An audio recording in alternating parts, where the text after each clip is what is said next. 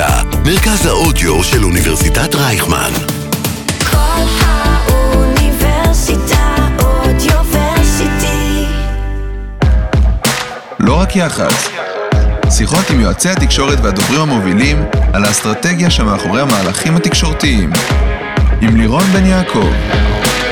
אהלן, ברוכות וברוכים הבאים לפודקאסט לא רק יח"צ, האסטרטגיה שמאחורי המהלכים התקשורתיים, שמשודר בכל האוניברסיטה, הרדיו של אוניברסיטת רייכמן. אני לירון בן יעקב, מרצה בבית הספר סמי עופר לתקשורת באוניברסיטת רייכמן, המרכז הבינתחומי, דוברת ומנהלת תקשורת. כשהתחלתי לעבוד כיועצת תקשורת לפני בערך 16 שנה, פלוס מינוס, עשיתי הפצה להודעה, להודעה לעיתונות עם פולו-אפ טלפונים. לפעמים היא אפילו נכנסה כמו שהיא. כמו שאומרות, copy-paste. שלחתי מוצרים עם תמונה מודפסת בצבע, בפורמט מסוים, והיה גם פקס. הייתה רשימת כתבים סגורה לכל תחום, וידעתי בדיוק מי תא הכתבים מולו אני עובדת. בפרויקטים מיוחדים שילבנו גם פלטפורמות שונות, וגם עבדנו עם מחל- מחלקת האינטראקטיב. כן, היה משהו כזה פעם. מאז הרבה השתנה. גם שוק. התקשורת השתנה, יחד איתו, גם תחום יחסי הציבור, שעובד ממש מולו. נכנסו ויצאו הפורומים. הרשתות החברתיות ועולמות הסושיאל מדיה שינו את אופן ההתנהלות מול הלקוחות. כל גולש הפך לעיתונאי וכל בלוגרית למובילת דעה. היום היא כבר משפיענית, שלא לומר שגרירה של המותג. התחרות בין פלטפורמות התוכן חייבה שינוי גם בתהליכי העבודה של המשרדים, וכבר אין יחצניות, יש יועצות תקשורת. גם אין תקציבאיות, פעם גם היה תקציבאיות, מושג ששאלנו מעולם הפרסום. אבל מעולם לא היה תקציב שניהלנו מול הלקוח. נמצאת איתנו היום הילה גבאי, יועצת תקשורת, מנכ"לית גיתם פורטר נובלי, משרד יחסי הציבור מקבוצת גיתם. היא תדבר איתנו על השינויים בתחום יחסי הציבור בשנים האחרונות. הילה נמצאת בעולמות יחסי הציבור והאסטרטגיה למעלה מ-15 שנים. פחות או יותר היינו בקווים מקבילים לאורך שנים. במהלכן היא צברה ניסיון בעבודה עם חברות רב-לאומיות וחברות ישראליות מובילות בתחומי הטכנולוגיה וההייטק, תעשייה ומסחר, רפואה, בריאות, שיווק וצרכנות. פחות או יותר היא נגעה בכל תחום שיש. היא הובילה טיפול במשברים תקשורתיים בארץ ובחו"ל, שככל הנראה היא לא תוכל לשתף אותנו בהם, בגלל שהרוב מתנהל מאחורי הקלעים. ולפני התפקיד הנוכחי, שהיא ממש מונתה אליו לאחרונה, היא הייתה סמנכ"לית האסטרטגיה בגיתם פורטר נובלי. היי הילה, היי, איזה כיף שהזמנת אותי. אני שמחה שהגעת. מאוד מוזר להיות פתאום בפוזיציה הזו, אני תמיד אה, מאחורי, או יושבת פה באיזה כיסא צדדי, שהלקוח שלי יושב ומתראיין, זה מרגש. אז היי, זה נחמד להיות בפרונט, לא? אה, תשאלי אותי אחרי. אני אשאל. איפה התחלת? מה הייתה הנקודה שבה נכנסת לעולם הזה? האמת שמאז שאני זוכרת את עצמי, חלמתי להיות מגישת חדשות. אני זוכרת uh, בתור ילדה, גדלתי בקריית גת, אז בשנות ה-80 כבר הייתה לנו טלוויזיה, והייתי מסתכלת, חיים יבין, אחר כך יעקב אילון ומיקי חיימוביץ', וראיתי את עצמי נמצאת שם, חלמתי על זה בכל דרך אפשרית. אה, איך שסיימתי את הצבא, הבנתי, אוקיי, שכדי להגשים את החלום אני צריכה לצאת ללמוד, ובחרתי ללמוד אה, תקשורת באוניברסיטה הפתוחה. עזבתי את קריית גת, במדים הלכתי אה, להיבחן אה, לסלקום כדי לחפש איזושהי עבודה סטודנטיאלית שאני אוכל אה, להתקיים בתל אביב. אה, ומפה לשם השנים התגלגלו, ארבע שנים, טקטקתי את התואר, והתאהבתי בסלקום, התאהבתי באנשים, ומצאתי את עצמי בתחומים אחרים לגמרי, בתחומים של טכנולוגיה ו-QA, ובגיל 26 אמרתי, רגע, רגע, רגע, היה פה איזה חלום שצריך לממש אותו. מה אז, למדת? אה, למדתי תקשורת. אה, שצריך לממש אותו, ואומץ, אומץ, אומץ. יוצאים משבע שנים נפלאות בסלקום, ששם למדתי כל מה שאני יודעת על אנשים ועל שירות, אה, והכרתי שם חברים לחיים. ויצאתי לדרך, והצטרפתי למשרד יחסי ציבור בשם גיל אב. עבדתי שם אה, עשר שנים, טיפלתי במותגים מדהימים, נפלה בחלקי זכות ענקית לגעת בכל כך הרבה נושאים ותחומים. מחברות תרופות ועד חברות אנרגיה, וצרכנות, ובאמת עולמות מדהימים של חברות גדולות. פגשתי אנשים נפלאים בדרך, לקוחות, ושהפכו להיות חברים. אה, והתאהבתי בתחום הזה כל יום, והבנתי שבעצם אה, מיקי חיימוביץ' אני לא אהיה. אה, וגם לאורך כל הזמן אמרו לי, תשמעי, טלטלים, לא עובר מסך, מראה שובבי, נועז, חצוף. בטלוויזיה צריך להיות רציני, ממלכתי. אמרתי, אוקיי, אז אני אהיה חצופה מאחורי הקלעים. אה, והאמת שזו לא הייתה פשרה, זו לא פשרה בכלל, אני כל כך אוהבת את המקום שהגעתי אליו. ולפני uh, פלוס מינוס חמש שנים, באיזשהו משבר סופר גדול uh, uh, uh, uh, שניהלתי, פגשתי איש קסום שקוראים לו עידו הרטוב, שהוא הגיע ל, ל, לטיפול במשבר הזה מהצד השני, כמשרד הפרסום של המותג של החברה שאותה הצגנו, אני הייתי מהצד של ה-PR. ותוך שתי דקות האיש הזה קסם לי מאוד. עידו הוא מנכ"ל הקבוצה. עידו הוא שותף, ו... הוא שותף ומנכ"ל קבוצת גיטם. איש מדהיר, מדהים, חכם, מבריק, ויאללה, נפגשנו, הוא הזמין אותי להצטרף לגיטם, בחמש שנים האחרונות אני פה. ולפני חודשיים-שלושה מוניתי לנהל את החברה, שזה רגע מאוד מאוד מאוד מרגש בקריירה, ונקודת ציון דרך בשבילי. ספרי לנו קצת על uh, גיטם פורטר נובלי. אז גיטם פורטר נובלי היא באמת חלק מקבוצת גיטם, uh, משרד יחסי uh, ציבור שקיים כבר uh, למעלה מ-40 שנה, שהקים uh, מוישיק תאומים. פורטר נובלי זה בעצם uh, רשת uh, uh, סוכנות יחסי ציבור בין הגדולות ביותר uh, בעולם, ואנחנו מייצגים אותה פה בישראל. אנחנו מטפלים בחברות uh, מאוד uh, גדולות, בכל מיני ורטיקלים עיקריים, מעולם הצרכנות, שם יש לנו את uh, כל uh, נסטלה ואוסם. שלהם, אה, ודוקטור פישר, ופררו, וקינדר וכן הלאה, ועד עולמות של אה, אה, בריאות, חברות תרופות, ו, וגופים ללא מטרות רווח, גופים ציבוריים, מוזיאון הטבע, רשות הטבע והגנים, ויש גם תחום אחד שאני מאוד מאוד אוהבת ומתחברת אליו מאוד, שזה כל תחום ההייטק וה, והטכנולוגיה, חברות רב-לאומיות כמו LG וווסטרן דיגיטל, ומרוול, וסטארט-אפים, בכל מיני תחומים. תחום של חדשנות זה תחום שהוא אה, אה, מבעבע אה, בגופי, אה, ואני אוהבת אותו. אה, וזהו, ואנחנו 15 תותחים. אה, שמטפלים בלקוחות האלה הרבה מאוד שנים, בונים אסטרטגיה, מעזים, אה, מספרים סיפור, וזו חוויה מדהימה. אתם בעצם משרד יחסי ציבור בתוך קבוצה גדולה, שכוללת פרסום, כוללת כמה משרדים. נכון, נכון. ספרי לנו קצת, כאילו, מה זה אומר מבחינת היום-יום של העבודה, איך זה בא לידי ביטוי, וגם איפה החסרונות של זה. אה, האמת שזה אומר המון, אני חייבת להגיד אה, אה, שאני מוצאת בזה אה, בעיקר יתרונות. כשאני נכנסתי לתחום אי פעם לפני הרבה מאוד אה, אה, שנים, אה, יחסי ציבור היה אה, אה, אה, קשרי עיתונות. אה, כשמם כן הם הודעות לעיתונות, ראיונות ברדיו, ראיונות בטלוויזיה, קשרי עיתונות, זה היה public relation, זה היה יח"צ.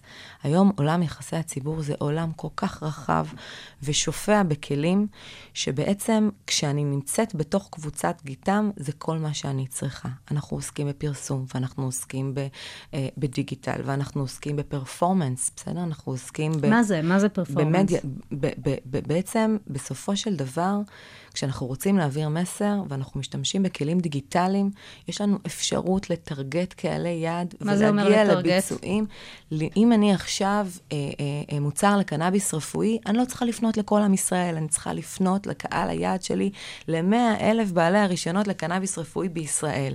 פעם היינו מציעים הודעה לעיתונות ומקווים שה, שהקהל הפוטנציאלי שלנו ישמע את המסר ויגיע אלינו.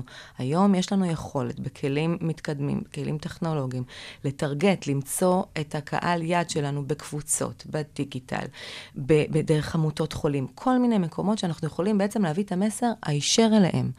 וגיטם היום אה, אה, בעצם בנויה גם מפרסום וגם מדיגיטל, כמו שאמרתי, וגם מתוכן, חברת פיץ', שזו חברת התוכן הכי אה, המובילה היום בישראל, כי אנחנו מבינים שכדי לספר סיפור, כדי לשנות, לבנות מותג, למצב חברה, לייצר בידול, אנחנו חייבים להשתמש בהרבה מאוד כלים, ויחסי ציבור פשוט קיבלו תפנית. והיום אנחנו באמת אה, one stop shop, אה, ואנחנו יכולים לתת ללקוחות שלנו, אנחנו נותנים ללקוחות שלנו את כל מגוון השירותים שהם צריכים. אנחנו לא זונחים את המדיה המסורתית. המדיה המסורתית היא חשובה מאוד מאוד מאוד. זה ציר מרכזי להעברת מסר, זה ציר מרכזי לדבר עם בעלי העניין, זה ציר מרכזי לדבר עם קהל היעד שלנו, אבל לא רק. היום הוויזואליה והאודיו, הנה אנחנו יושבים פה, אנחנו יודעים בדיוק מה קרה לכל עולם הפודקאסטים וכמה זה אה, שינה כיוון. ולכן המטרה שלנו ותפקיד של איש יחסי ציבור זה לבחון את כל הכלים שעומדים uh, לרשותו ולעשות את זה בצורה הכי יצירתית, הכי מפתיעה, uh, הכי אפקטיבית, יעילה, אוקיי? Uh, כדי להביא ביצועים טובים, כדי שבסוף, את יודעת, פעם שאל אותי לקוח, מה, תביא, מה יביא לי הפרסום בידיעות אחרונות? איך אני, איך אני אראה איך זה משפיע לי על הביזנס? היום, שאנחנו בעולם דיגיטלי, אנחנו יכולים לדבר גם על זה. אנחנו יכולים לדבר גם על ביצועים, כי אנחנו עוסקים בעולמות של דאטה, ואנחנו עוסקים, ב, אנחנו יכולים לעשות retargeting, uh, אנחנו יכולים לחז, לחזור... דאטה זה בעצם אומר שנתונים. נכון. יש המון המון נתונים שפרוסים בפנייך, ואת יכולה לדבר מספרים עם הלקוחות, כמו נכון, שהם עוברים. מספרים, אני יכולה להראות להם ביצועים, אני יכולה לדבר איתם חשיפות, engagement, איך הציבור הגיב למסר, אוקיי? מה הוא עשה איתו? האם, אה, האם הוא, הוא רק הקשיב לזה?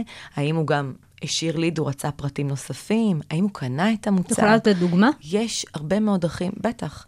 בעצם היום, רק לאחרונה אה, אה, עלינו עם אה, קמפיין משולב, אה, אה, חברת אה, סייקי מדיקל, סטארט-אפ מדהים שפיתח טכנולוגיה שהופכת קנאביס לתרופה ופיתח משף, אה, אה, משף מתקדם, שאנחנו מלווים אותו הרבה מאוד שנים ובונים לו את האסטרטגיה התקשורתית כבר שש שנים, וממש לאחרונה יצאנו במהלך אה, משולב, אה, יחסי ציבור כמובן מתקיימים, היינו בשלטי חוצות, עלינו בתוכן, בכל מדורי הבריאות ב, בתקשורת, עלינו בקמפיין דיגיטל, ואנחנו רואים את התנועה.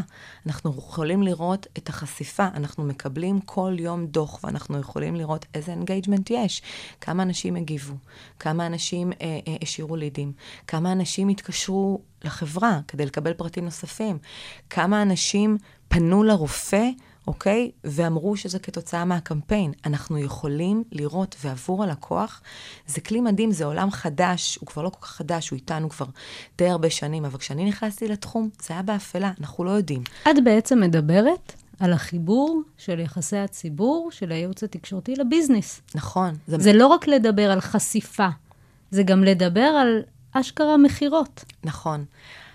אני לפני כמה שנים פגשתי אישה מבריקה שקוראים לה חגית קמין. היא הייתה מנהלת השיווק ברשת ילו. עשינו דרך מאוד מאוד ארוכה ביחד, עשיתי שם את יחסי הציבור, והיא אישה מבריקה, כל הזמן היו לה רעיונות מטורפים. אנחנו הופכים אה, אה, אה, אה, אה, בתחנת דלק, חנות שאנחנו באים וקונים קפה שחור, לפתאום אה, פתאום חנות נוחות שאני יכול למשוך שם כסף, ואני קונה מכונות קפה, ואני אה, אה, אה, אה, אה, פשוט מקבל כל מה שאני רוצה ב one stop shop. ומשם הבנתי דבר נורא נורא חשוב. זה לא חוכמה להגיע לסוף הדרך, לסיים תוכנית שיווקית ואז לבנות תוכנית PR. החוכמה הגדולה היא שאתה הופך להיות חלק אינטגרלי מהחשיבה האסטרטגית של החברה, להפוך להיות חלק מתוך צוות השיווק, שכשאתה כבר בורא את המוצר, אתה כבר, אתה כבר יודע איך אתה הולך לשווק אותו ואיך אתה הולך לדברר אותו, ואיזה מהלכי יחסי ציבור אתה עושה, ואתה יכול to predict, אתה יכול לצפות פחות או יותר מה אתה יכול להשיג, איזה רעש תקשורתי אתה יכול להשיג. וכשהלקוח מבין שגם המסר חיובי וגם יש לו אימפקט על הביזנס, זה ווין ווין לכולם. גם עבורי, זה לא מעניין לראות רק כותרת טובה. זה מרגש אותי כשהלקוח אומר, תשמעי, אה, אה, אה, אה, נמכר כל המוצר, אי אפשר להשיג אותו. אנחנו מטפלים במוזיאון הטבע באוניברסיטת תל אביב, וזה מדהים לראות שהשקנו עכשיו את תערוכת האקלים, שעוסקת במשבר האקלים, משבר נורא נורא חשוב. המטרה שלנו הייתה לייצר שיח סביב זה, ומדהים לראות שגם נוצר שיח בתקשורת, וגם יש ביקושים. אנשים מגיעים עם הילדים שלהם למוזיאון כדי ללמוד על אחד, אחת התופעות החשובות והמדאיגות ביותר על הפלנטה שלנו, ואנחנו מרגישים שאנחנו עושים אימפקט אמיתי. לקחתי את הבת שלי, נורא הטריד אותה שההמבורגר שהיא אוכלת, ומאוד אוהבת, כל כך מזיק. אה, מהמם, זה באמת כל כך, אה, כל כך נכון וממחיש בצורה מופלאה. תגידי, ההודעה לעיתונות, הקומוניקט, הוא עדיין הכלי המרכזי? את מדברת כאן על קרוס פלטפורמס, על uh, עבודה משולבת, אבל בסוף יש את הכלי הזה שכולנו משתמשות בו. Uh, הוא רלוונטי למשהו? תשמעי, זה מדהים, אמרת בפתיח שלך שלפני כמה שנים שהתחלת, אז היית שולחת תמונה פיזית, היינו מדפיסות תמונה. היה, אה, נרלט הייתה משיקת צבע, והיה מגיע שליח והיה לוקח את, ה, את, ה, את, ה, את הצבע ואת התמונה שממחישה איך זה ייראה על הקיר. היום זה נראה לי כמו עולם ביזארי. ההודעה לעיתונות איתנו והיא תישאר. משום שזה דרך מאוד מאוד אפקטיבית להעביר מסר ולארוז אותו בצורה מזוקקת. אבל היא ממש ממש לא שם לבדה. אי אפשר היום לבנות סיפור, אי אפשר היום לייצר תוכן, אי אפשר היום לגעת באנשים ולשכנע את התקשורת לעסוק בנושא מסוים. מה גם שאפילו קהל היעד שלנו, של יועצי התקשורת, השתנה לחלוטין. הוא לא רק עיתונאים, הוא בלוגרים, זה יוטיוברים, זה, זה מובילי דעת קהל, זה אנשים זה, זה ריקי כהן מחדרה, שהיא חברה בקהילה שעוסקת בדיאטה, ואם אתה רוצה לקדם מוצר או תזונה בריאה או ספורט, אתה צריך להגיע אליה דרך ה communities. אז הודעה לעיתונות היא קיימת, היא תהיה איתנו לעוד הרבה מאוד זמן, אבל היא, היא לא יכולה להיות שם לבד. תראי מה עשתה אדל ב-2016, אם אני לא טועה.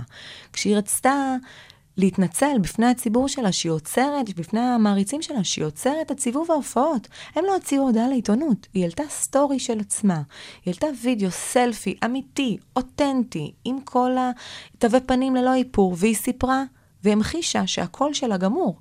והיא לא יכולה להופיע והיא נאלצת לעצור. מה קרה פה בעצם בטקטיקה הזו? נוצרה אמפתיה, נוצרה חמלה, לא היה זעם שקנינו כרטיסים וחיכינו. ברור שיש כמה כאלה שכעסו, אבל נוצרה אמפתיה, ויש פה חיבור מאוד מאוד ישיר עם קהל היעד שלה. אם הם היו מוציאים רק פרס רליס, זה לא מספיק. יש חברה טכנולוגית ענקית ש... ש אה, אה, אה, כל שנה מביאה מאות עיתונאים לסיליקון וואלי כדי לספר על החידושים שלה. ולפני שנתיים, לפני שהקורונה פרצה, היא אמרה, רגע, no more, למה רק את זה? או רק למה להוציא פרס רליס? היא לקחה איזשהו יוטיובר מטורף מהודו, שיודע לארוז סיפור בצורה הנפלאה, הזמינה אותו למשרדי החברה, חשפה בפניו את כל הסודות, והוא יצר בסוף סרטון שעלה ברגע אחד והגיע למיליוני צפיות בשנייה. ו- וזה היה פשוט מדהים. במקום לעשות את הדבר המסורתי, הם עשו משהו אחר, אבל זה חשוב לי לומר. הכל זה כלים שלובים, אנחנו לא מוותרים על זה. זה נורא חשוב כי זו דרך לשלוט על המסר, וזו דרך לארוז אותו. אבל החוכמה היא להשתמש בהרבה מאוד כלים מקבילים. אנחנו לא מזמן עשינו מהלך מדהים יחד עם מקן, שנותנת להם את מלוא הקרדיט, אה, אה, אה, שהושק, שהושקע במבה גולדה. וזה רעיון מדהים לראות שבמקום להוציא הודעה לעיתונות שאומרת שיש עכשיו גלידה עם במבה, שאנחנו כל כך אוהבים, גלידה עם, עם, עם בייגלה, שכולם הטעם האהוב אה, של, אה, של הישראלים בגולדה. במקום לספר שאוסם הבריקה והכניסה את הגולדה לתוך הבמבה, אז עלה פוסט בעמוד אה, של גולדה, רעיון מדהים של מקן, שבאו ואמרו, אה, תשמעו, אנחנו מתנצלים, הטעם האהוב שאנחנו אוהבים, יש לנו קצת מחסור, ואנחנו נעדכן אתכם כשזה יחזור לסניפים. ונהיה טירוף. בתוך שניות, דקות, נהיה טירוף. זה קרה לפני חודש וחצי, ב, אה, אה, אה, מיולי 2021, אה, ו, וזה נהיה טירוף. כל האנשים שם התבאסו, לא מספיק הקורונה, לא מספיק החיים שלנו קשים. איך אתם לוקחים את הטעם המטורף? engagement, באמת, מאות של תגובות ושיח מטורף. דבר שלא היה קורה אם היינו מסתפקים בלהוציא הודעה לתקשורת. ואז הגיע החלק שלנו, של גיתם פורטר נובלי, שכדי לחשוף, בעצם לסגור את המעגל הזה, לאן נעלם הטעם שאנחנו כל כך אוהבים, בעצם יצרנו אייטם בטלוויזיה שבא ומספר שבעצם זה לא נעלם, זה פשוט נכנס לתוך הבמבה. וזה השלים, זה כלים שלובים, זה לקחת את המדיה הדיגיטלית, את הניו מדיה, ולקחת את המדיה המסורתית, וזה יצר פיצוץ, לא הפסיקו לדבר על זה, אי אפשר להשיג היה את הבמבה במדפים בסופר, אי אפשר היה, גולדה, הסניפים היו מטורפים, וכולם רצו את זה, יוצרים ביקוש. אבל אתם גם נורא חיברתם את זה לסוג המותגים, שהם מותגים שבאו מלמטה, והם אגב- מותגים של כולם. אגב, אני רוצה להגיד היום שאיש יחסי ציבור מעולה, הוא לא בא ולוקח תוצר סופי. הוא גם בא והוגה רעיון. אותו חיבור בין גולדה לבין אה, אה, אה, אוסם, זה חיבור, זו מחשבה שנולדה כדי לייצר בעצם גם מוצר מבריק שהציבור יאהב, אבל גם דרך מדהימה לחולל רעש תקשורתי. וככה בדיוק עושים את זה. אז אם אני חוזרת לשאלה שלך, אנחנו צריכים להשתמש בהרבה מאוד כלים ודרכים, והם אפקטיביים. אתה רואה את האימפקט. היינו שולחים פעם הודעה לעיתונות, את זוכרת? ואת יושבת כוסת ציפורניים, מה יקרה? יגיבו, לא יגיבו. התשובה שכולנו מכירים מהעיתונאים, אני מוותר. את מתייבשת, בא לך למות, הוא מוותר על הסיפור שלך. פה, את- ה- ה- ה- ה- ה- התחיית סיפוקים עובדת נפלא, משום שמיד את רואה תגובה. זה יותר מזה, את. את שחררת את הכוח של העיתונאי, לבוא ולהגיד אני רוצה או לא רוצה. נכון, אבל העיתונאי חשוב. העיתונאי חשוב, כי בסוף הוא גורם אובייקטיבי שמעביר ספ... אה, סיפור. הוא מספר סיפור בצורה אובייקטיבית לציבור, והוא עושה את זה בכלים שמגיעים לקהלי היעד מאוד מאוד חשובים, ואני לא מוותרת עליהם. זה כלי שאסור, חייב להיות כחלק בלתי נפרד מהיומיום שלנו, אבל צריך עוד. לש... לשלב כוחות ולייצר אה, עולם אה, חדש ומופלא. זה גם, אני חייבת להגיד שעבורי, זה יוצר עולם לא משעמם, כי אני כבר 16 שנה במקצוע, ואני כל הזמן לומדת דברים חדשים. אז בואי רגע נדבר, 16 שנה זה המון זמן כדי רגע להסתכל על מגמות ושינויים, ומה היה ואיפה אנחנו היום. אז אם, לרגע, אם תוכלי להצביע על כמה מגמות או שינויים עיקריים שאנחנו יכולים להסתכל עליהם בשנים האחרונות, אפילו העשור האחרון, אני חושבת ש... להסתכל על העשור האחרון מרגע שפייסבוק נכנסה לחיים שלנו והפורומים לרגע ירדו, מה הם המגמות או השינויים העיקריים שאת אה, יכולה להצביע עליהן בעולם יחסי הציבור? אז מה יש בהחלט כמה. השינוי הראשון שאני כל כך גם הכי מתחברת אליו ומרגישה שהוא יוצר אימפקט מאוד מאוד משמעותי, זה תוכן, תוכן, תוכן, תוכן. אה, זה לא קלישאה שאומרים התוכן הוא המלך, זה באמת ככה. זה כלי בעצם מאוד משמעותי לספר סיפור. לקחת בעצם אסטרטגיה של חברה, רעיון, מוצר, גישה, תפיסה, ולעשות את זה באמצעות תוכן. בואי, בואי נדבר רגע על העולם שהיה פעם למותג. היה להם נכסים, היה להם אתר, בסדר? היה להם אתר, פתאום נהיה להם גם פייסבוק, פתאום יש גם אינסטגרם, ויש לינקדאין, ויש טיק טוק. כל הכלים האלה, אם אין תוכן אמיתי שאתה יוצק לתוכם, הכלים האלה הם כלים יתומים, אין בהם כלום. הם חסרי, הם חסרי קול, הם לא מצליחים לעש, להגשים את המטרה שלהם. רק לאחרונה גם, לאחרונה, בשנים האחרונות יש גם את האודיו, הפודקאסט, הנה, אנחנו יושבות פה. היום אנשים רוצים להאזין, הם רוצים לשמוע, הם לא רוצים, הם רוצים פחות לקרוא. זה דרך מדהימה לי- לייצר תוכן. היום מותגים גדולים מבינים שהם צריכים לייצר איזשהו תוכן שישויך אליהם. קחי למשל, לא מזמן עשינו פרויקט שאני מאוד מאוד גאה בו, מרוול. אה, אה, אה, חברת הייטק מדהימה, בינלאומית, אמריקאית, אנחנו מייצגים את ה site הישראלי, וחשבנו איך בעצם אנחנו מחברים את מרוול, שהיא היא, בתעשיית השבבים, תעשייה כל כך רותחת, כל כך רלוונטית, כל כך משמעותית, איך אנחנו בונים להם תוכן שהוא תוכן אובייקטיבי. אנחנו לא מדברים רק על עצמנו, אנחנו מדברים על קטגוריה, אנחנו מדברים על סוגיה, ובנינו להם פודקאסט ממותג, שכל פרק מארח אנשים חדשים מהתחום. גם אנשים מחברות מתחרות. זה לא בושה. אנחנו לא צריכים לדבר רק על עצמנו, אנחנו צריכים לתת במה לחברות מתחרות ולדבר על, להראות, להעלות בעצם את הקטגוריה על סדר היום. וזה כלי נורא נורא חשוב. קחי מה שפיץ' עשו לא מזמן עם MyHeritage. MyHeritage הייתה להם... אה, אה, שירות חדש, אתה יכול להנפיש תמונות. אז הם הנפישו את אברהם לינקולן, ויצרו סביב זה כל כך הרבה תוכן. זה. זה קרה רק לפני שלושה חודשים בערך, וזה יצר שיח מאוד מאוד גדול ברשת. אתה חייב לייצר תוכן. תוכן נוגע באנשים, בתוכן יש רגש, יש מידע חדש, יש סיפור. אנשים מסוגלים להקשיב ולהיכנס לתוכו, וזה גם, זה בעצם נותן לך אפשרות להשתמש בנכסים הדיגיטליים שלך בצורה המיטבית. אתה בונה, תראי מה קרה לנו בטיקטוק, תראי מה קרה בקורונה. בתקופת הקורונה הטיקטוק, שהיה עד אז כלי עבור ילדים צעירים, הבת שלי, אופיר, שלא ציינתי אותה, אבל היא אה, אה, חזות הכל עבורי. אה, אה, אה, הייתה בטיקטוק, ופתאום בקורונה, מותגים רצו להגיע לאנשים, אפילו אנשים פרטיים, סטנדאפיסטים, קומיקאים, שחקנים, שפתאום לא הייתה להם במה. הם חיפשו במה. אז הם הצטרפו לטיקטוק, ודרך זה, מאיה דגן עשתה את זה מדהים. היא תוך רגע קלטה שהטיקטוק בעצם, זאת תהיה הדרך שלה אה, אה, אה, אה, להמשיך, לה, להגיע למעריצים שלה, והיא אימצה את הכלי הזה בצורה מושלמת, והיא פשוט הכניסה פנימה לחיים שלה, לקורונה, את כל המעריצים שלה שרגילים לפגוש אותה על הבמה, ופתאום הם פוגשים אותה בבית, בטיקטוק. זה תוכן. והתוכן, אם אנחנו מחדשים ואנחנו משתמשים בו בצורה ראויה, חיובית וטובה ויצירתית, תמידית חייבים לחדש, אי אפשר לעשות more of the same, זה יוצר ביקוש אדיר וזה מגיע להרבה מאוד קהל היעד. אבל, אבל לא רק, כי אחד הדברים החשובים בתוכן זה גם שלא אנחנו רק נדבר על עצמנו. ופה נכנס בעצם עולם תוכן, אה, עולם מגניב שנקרא אה, גם קהילות וגם משפיענים. אני אדבר על שניהם כי זה בעצם שני ערוצים נפרדים. פעם היינו עושים שלטי חוצות באיילון. אנחנו רוצים להגיע לקהל היעד שלנו, הם ייסעו באיילון, הם יראו את שלט החוצות. היום השלט החוצות הכרחי, חיוני ועוד יהיה באיילון. תראי מה עושות חברות ההייטק. הן רוצות לגייס עובדים ומציבות שלט באיילון, אבל זה לא מספיק. יש קהילות, קהילות HR, קהילות עובדים בהייטק, קהילות, הם פעילים שם. הקהילות זה בעצם הציבור החדש, ודרך כל כך אפקטיבית להגיע אליו. תראי מה עשו גרמין, בסדר? גרמין, שעונה ספורט, מותג מדהים, סקסי בטירוף, שהם אה, אה, עושים שיתוף פעולה מדהים עם קבוצה שקוראים לה אימא חוזרת לג'ינס, שבמקרה אני חולה על הקבוצה הזאת ועוקבת עליה בעצמי, שמדברים שם על אורח, בריא, אורח חיים בריא ותזונה וספורט, ובמקום לקחת את המותג הזה ורק לעשות יחסי ציבור מסורתיים, אוקיי? או רק לחדש, לשלוח את המוצר לרוויוז, לכתבי טכנולוגיה, זה מעולה, זה חשוב, הם עושים את זה בינגו.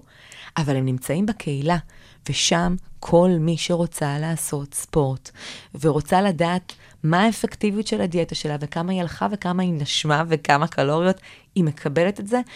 הם הגיעו, נוצרה שם נגישות מדהימה. יש משהו בלתי אמצעי בקהילות. תראי מה קורה לקהילות, יש רעבים ברעבך.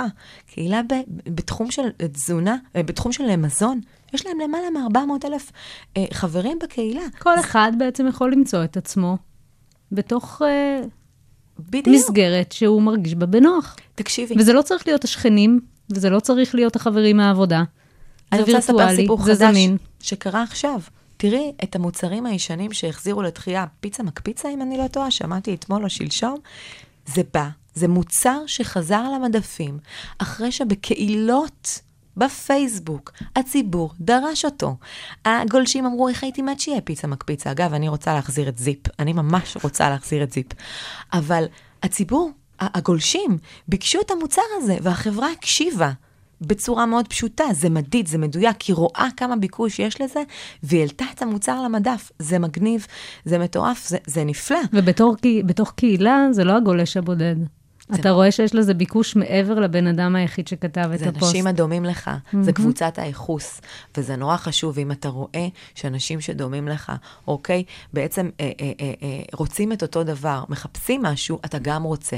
אנחנו רואים את זה בקבוצות של טיולים עם רשות הטבע והגנים, אנחנו רואים את זה בקבוצות של חולים, בעמותות חולים, מישהו שהוא חולה בפסוריאזיס, הוא רוצה לדעת. באיזה איזה מענה הוא יכול לקבל, הוא נכנס לקהילה, הוא מקבל תשובה. והוא גם לא מרגיש לבד. הוא לא מרגיש לבד. אם אנחנו רואים את חל הסרטן, אם אני לא נכון, טועה. חל הסרטן עושים, באמת, זו עמותה מדהימה, והם עושים אה, פרויקטים נפלאים, ל, ל, בעיקר לצעירים שחולים בסרטן.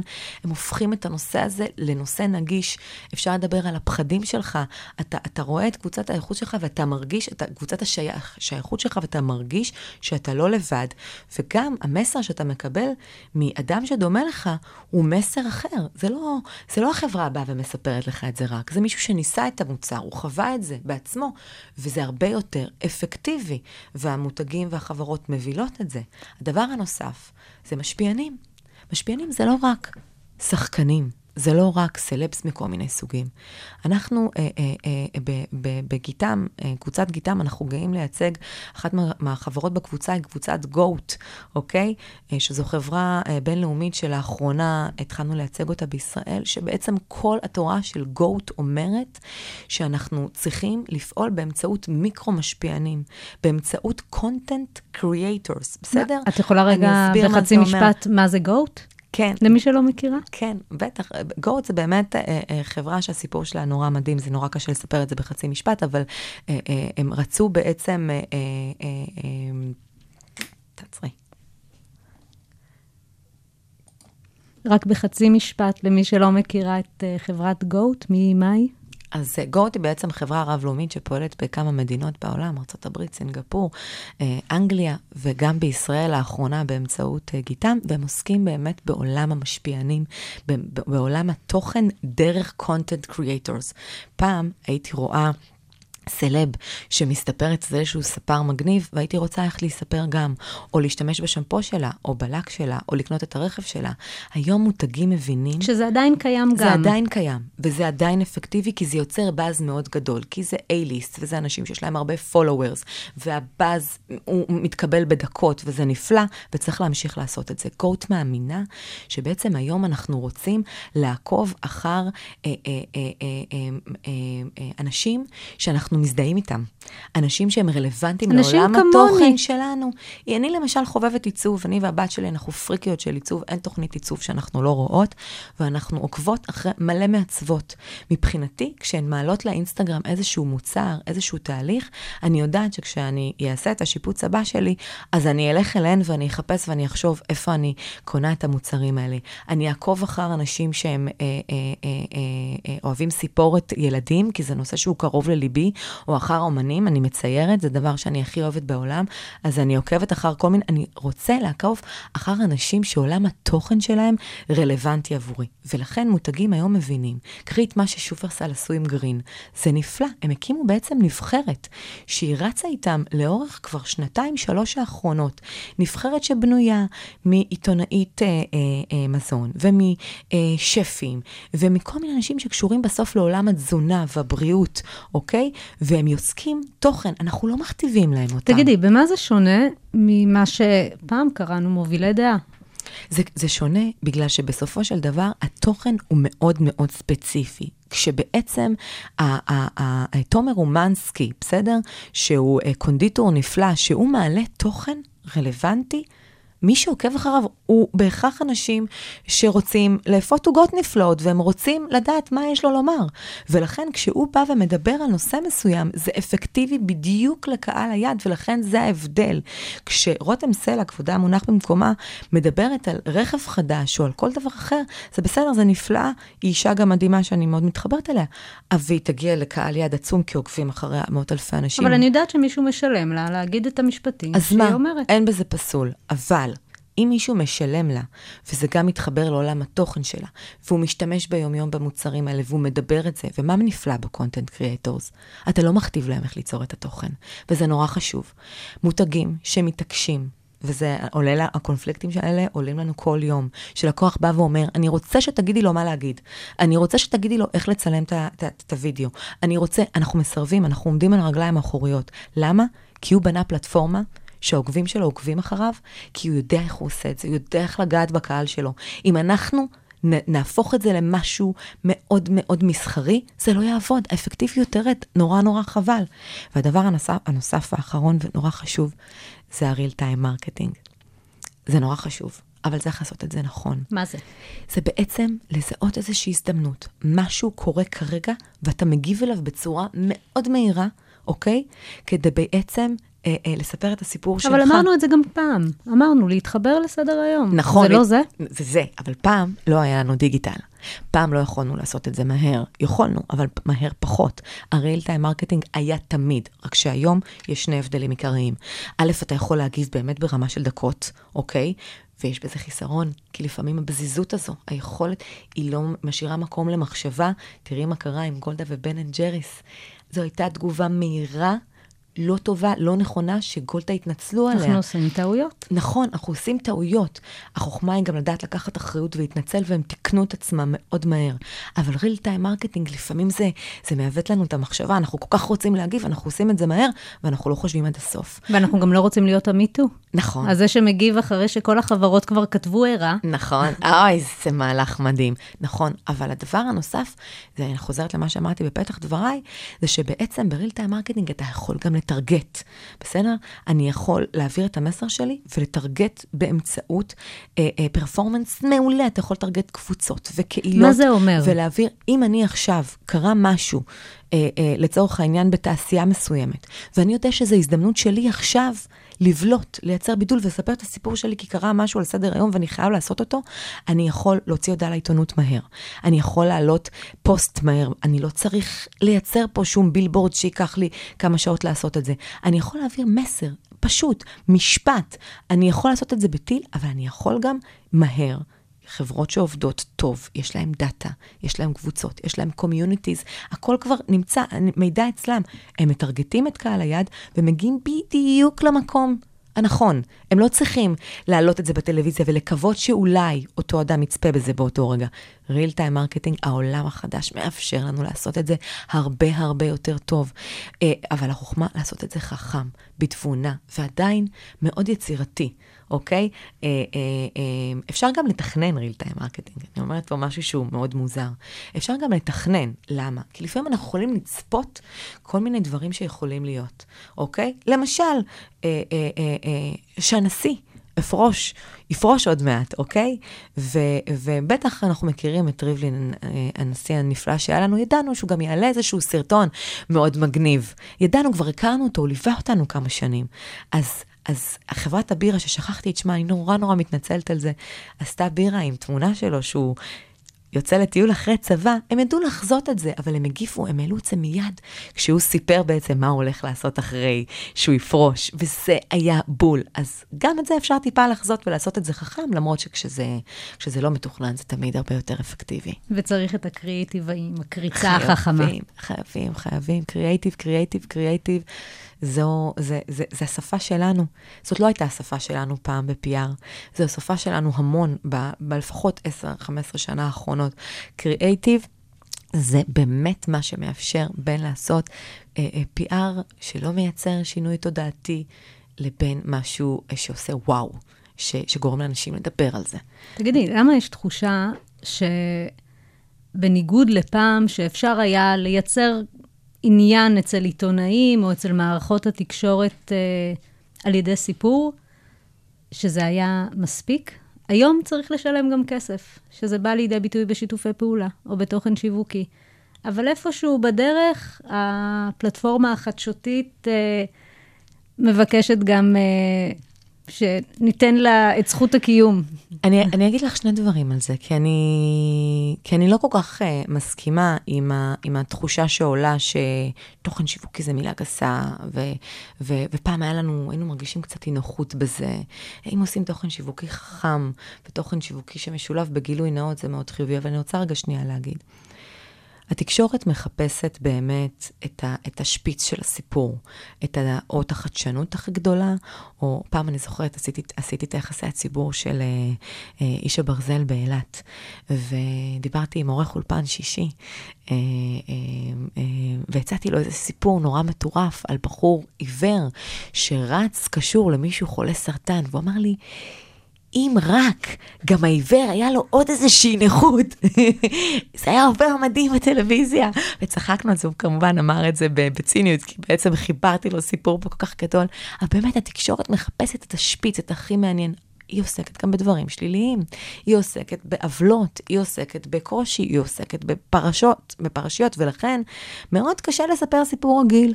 אם אני מוציא מוצר, אוקיי, איך אומרים לנו עיתונאים היום? תקנה עמוד, תעשה פרסומת. אני לא הכלי שלך לפרסם, אני מבינה אותם, ולכן צריך לעשות את זה חכם. תוכן שיווקי זה עולם שאנחנו צריכים לתת עליו את הדעת, זה עולם, זה כלי מדהים. ל- ל- להגיע לקהל היעד שלך, להתחבר אליו בצורה נפלאה. תראי מה עשה מפעל הפיס. אי שם לפני עשור, אני חושבת, כשהוא הגה את, יחד עם אה, אה, אה, גיתם, אני חייבת לתת את הקרדיט לגיתם, את המורה של המדינה. העלו על קרנה את, את באמת התפקיד של המורה והמורה. תפקיד כל כך חשוב, שלא נתנו לו אף פעם במה. וכן, בתקשורת מסורתית אי אפשר לעשות את זה, כי אף אחד לא מעניין לשמוע על המורה מ- מתל אביב, או על המורה מדימונה, או על הקושי של המורה מ- מיוקנעם. או על מה הוא, מה הוא קושק. למרות שהקורונה קצת שינתה את זה והמורים קצת עלו לסדר היום רק בצורה שלילית. בצורה שלילית, ולקח לזה הרבה מאוד שנים. הפרויקט המורה של המדינה שם על סדר היום בידיעות אחרונות כל יום לדבר על מורה, ובחרו את המורה של המדינה, נתנו כבוד למקצוע. זה לא יכול היה להיות אלמלא זה. תראי פרויקט שעכשיו, ממש לפני, אה, לאחרונה, אה, מפעל הפיס וקשת, יחד עם פיץ', עלו הגיבורים של המדינה. זה נותן במה לאנשים שעושים מעשים טובים. מישהו שפיתח איזושהי אה, תוכנית ש, אה, בישול שמביא אוכל ל, אה, ל, לאנשים קשישים עם טעם של פעם, ומישהו שפיתח מיזם מדהים, קוראים לו מרטין סבג, והוא אה, אה, אה, מלווה ילדים עם הנבחרת ארלי דוידסון, אה, שחוו חרם. זה פרויקט שנותן במה לאנשים מופלאים שעושים משהו טוב. וכן, זה פרויקט תוכן שיווקי שנוגע בכל כך הרבה אנשים ועושה כל כך הרבה אימפקט, אם עושים את זה נכון, אם עושים את זה עם גילוי נאות, אוקיי? אם נותנים, אם מאפשרים לגעת בסוגיה מאוד רחבה, ולא רק לדבר על עצמנו, שזה גם בסדר לעשות כתבה פרסומית. זה אפקטיבי, זה כלי חשוב, מותגים עושים את זה, כל החו... עיתון, המדיה הבינלאומית, כולם עושים את זה, וגם צריך להגיד, זה מקור הכנסה. התקשורת לא יכולה יותר להתפרנס מ... מלמכור עיתונים. זה לא עובד יותר, זה גם לא אפקטיבי יותר.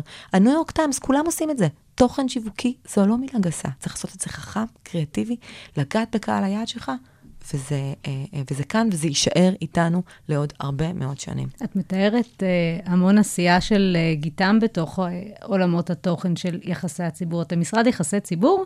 אנחנו משרד יחסי ציבור, וזה יחסי ציבור של 2021, ואפילו כבר של אה, אה, 2018, 17 ו-16, חד משמעית. היום כשלקוח מגיע אלינו, ואולי בעצם צריך לדבר על זה, סביב השולחן הווירטואלי הזה של משרד יחסי ציבור, יושב יועץ תקשורת, יושב אה, אה, איש קריאייטיב, יושב איש פרסום, יושב איש דיגיטל, יושבים אנשים מדיסציפלינות שונות, אוקיי? פלנרים, אוקיי? שהוגים רעיון. פלנרים זה בעצם וגם- אנשי האסטרטגיה. נכון, שיושבים, אה, ש, שהוגים רעיון, וגם מסוגלים לבצע אותו, מסוגלים להגיד מה התוצאה הצפויה, או לפחות התוצאה שאליה אנחנו שואפים, ו, ו, אה, אה, ומביאים, ומביאים מהרעיון מבריק, ורואים תוצאות. זה יחס הציבור. זה יחס הציבור. יחסי ציבור זה לא קשרי עיתונות כבר הרבה מאוד שנים. זה בעצם יחסי ציבור 360. 360, חד משמעית, ואנחנו עושים את זה המון. זה אה, נכון שיש לנו, לנו באמת יש יתרון עצום, כי אנחנו רצים בין המדרגות ועולים בין הקומות, כשאנחנו רוצים לעשות משהו אה, אה, ביחד, אה, אבל זה לא קורה גם בגיתם, גם החברות אה, משרדי יחסי ציבור אחרים עושים את זה. אה, חשוב אה, לתת קרדיט לכל הקולגות שלי שעושים עבודה נפלאה, וכן, זה, זה הדרך. אי אפשר לייצר שיחה. אי אפשר לספר סיפור בלי כל הכלים האלה. המדיה המסורתית היא נפלאה, היא חשובה, היא תהיה פה, היא לא יכולה להיות לבד. עוד משהו שלא יודעים עלייך, זה שאת uh, עובדת על ספר ילדים. אה, כן, האמת שאני כותבת מאז שאני זוכרת את עצמי, כתבתי, אה, לדעתי, אה, עשרות של ספרים קצרים. אף אחד מהם לא יצא לפועל, זה בעיקר בשבילי, אבל הבת שלי עודדה אותי. בשנים האחרונות היו לי מלא מלא מלא מלא טיסות לחו"ל. ו- ואופיר כל הזמן הייתה אומרת לי, אם רק הייתי יכולה להיכנס למזוודה פעם אחת.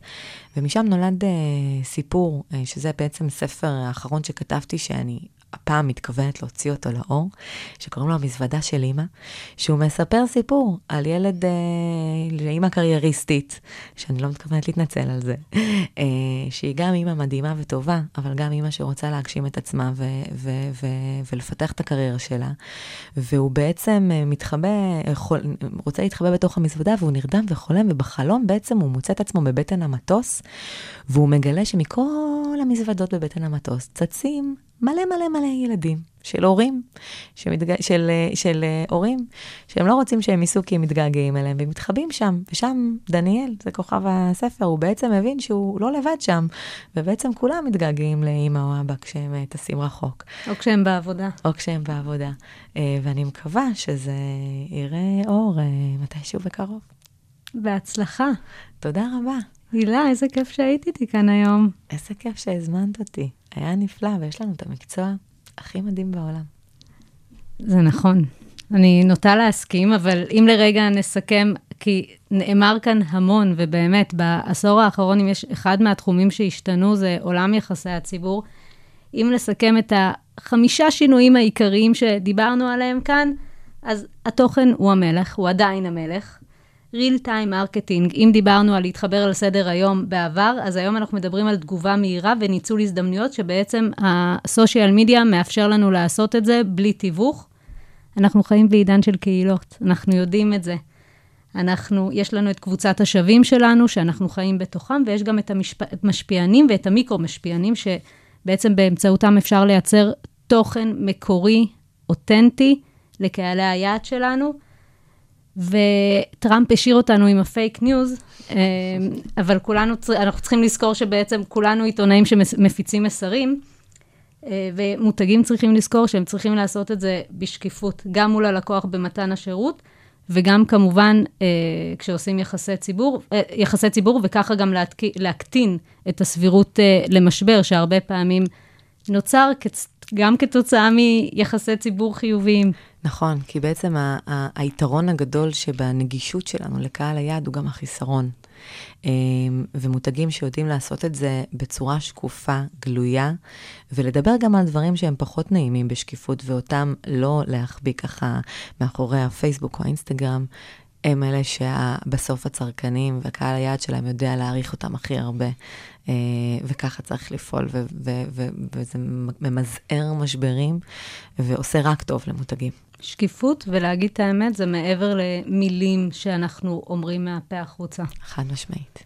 עד כאן, לא רק יח"צ, האסטרטגיה שמאחורי המהלכים התקשורתיים. תודה רבה, הילה גבאי, יועצת תקשורת, מנכ"לית גיתם פורטר נובלי, משרד יחסי הציבור מקבוצת גיתם.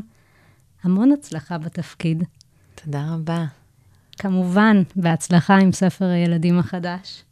אני מקווה שכבר בחרת לך אה, יחצנית שתקדם לא לך אותו. יח"צ. מוזמנות ומוזמנים להירשם כמנויים של הפודקאסט, לא רק והדוברים יח"צ. על אפשר למצוא אותנו באפליקציות הפודקאסטים. ספוטיפיי, אפל וגוגל, ובאתר כל. האוניברסיטה של אוניברסיטת רייכמן.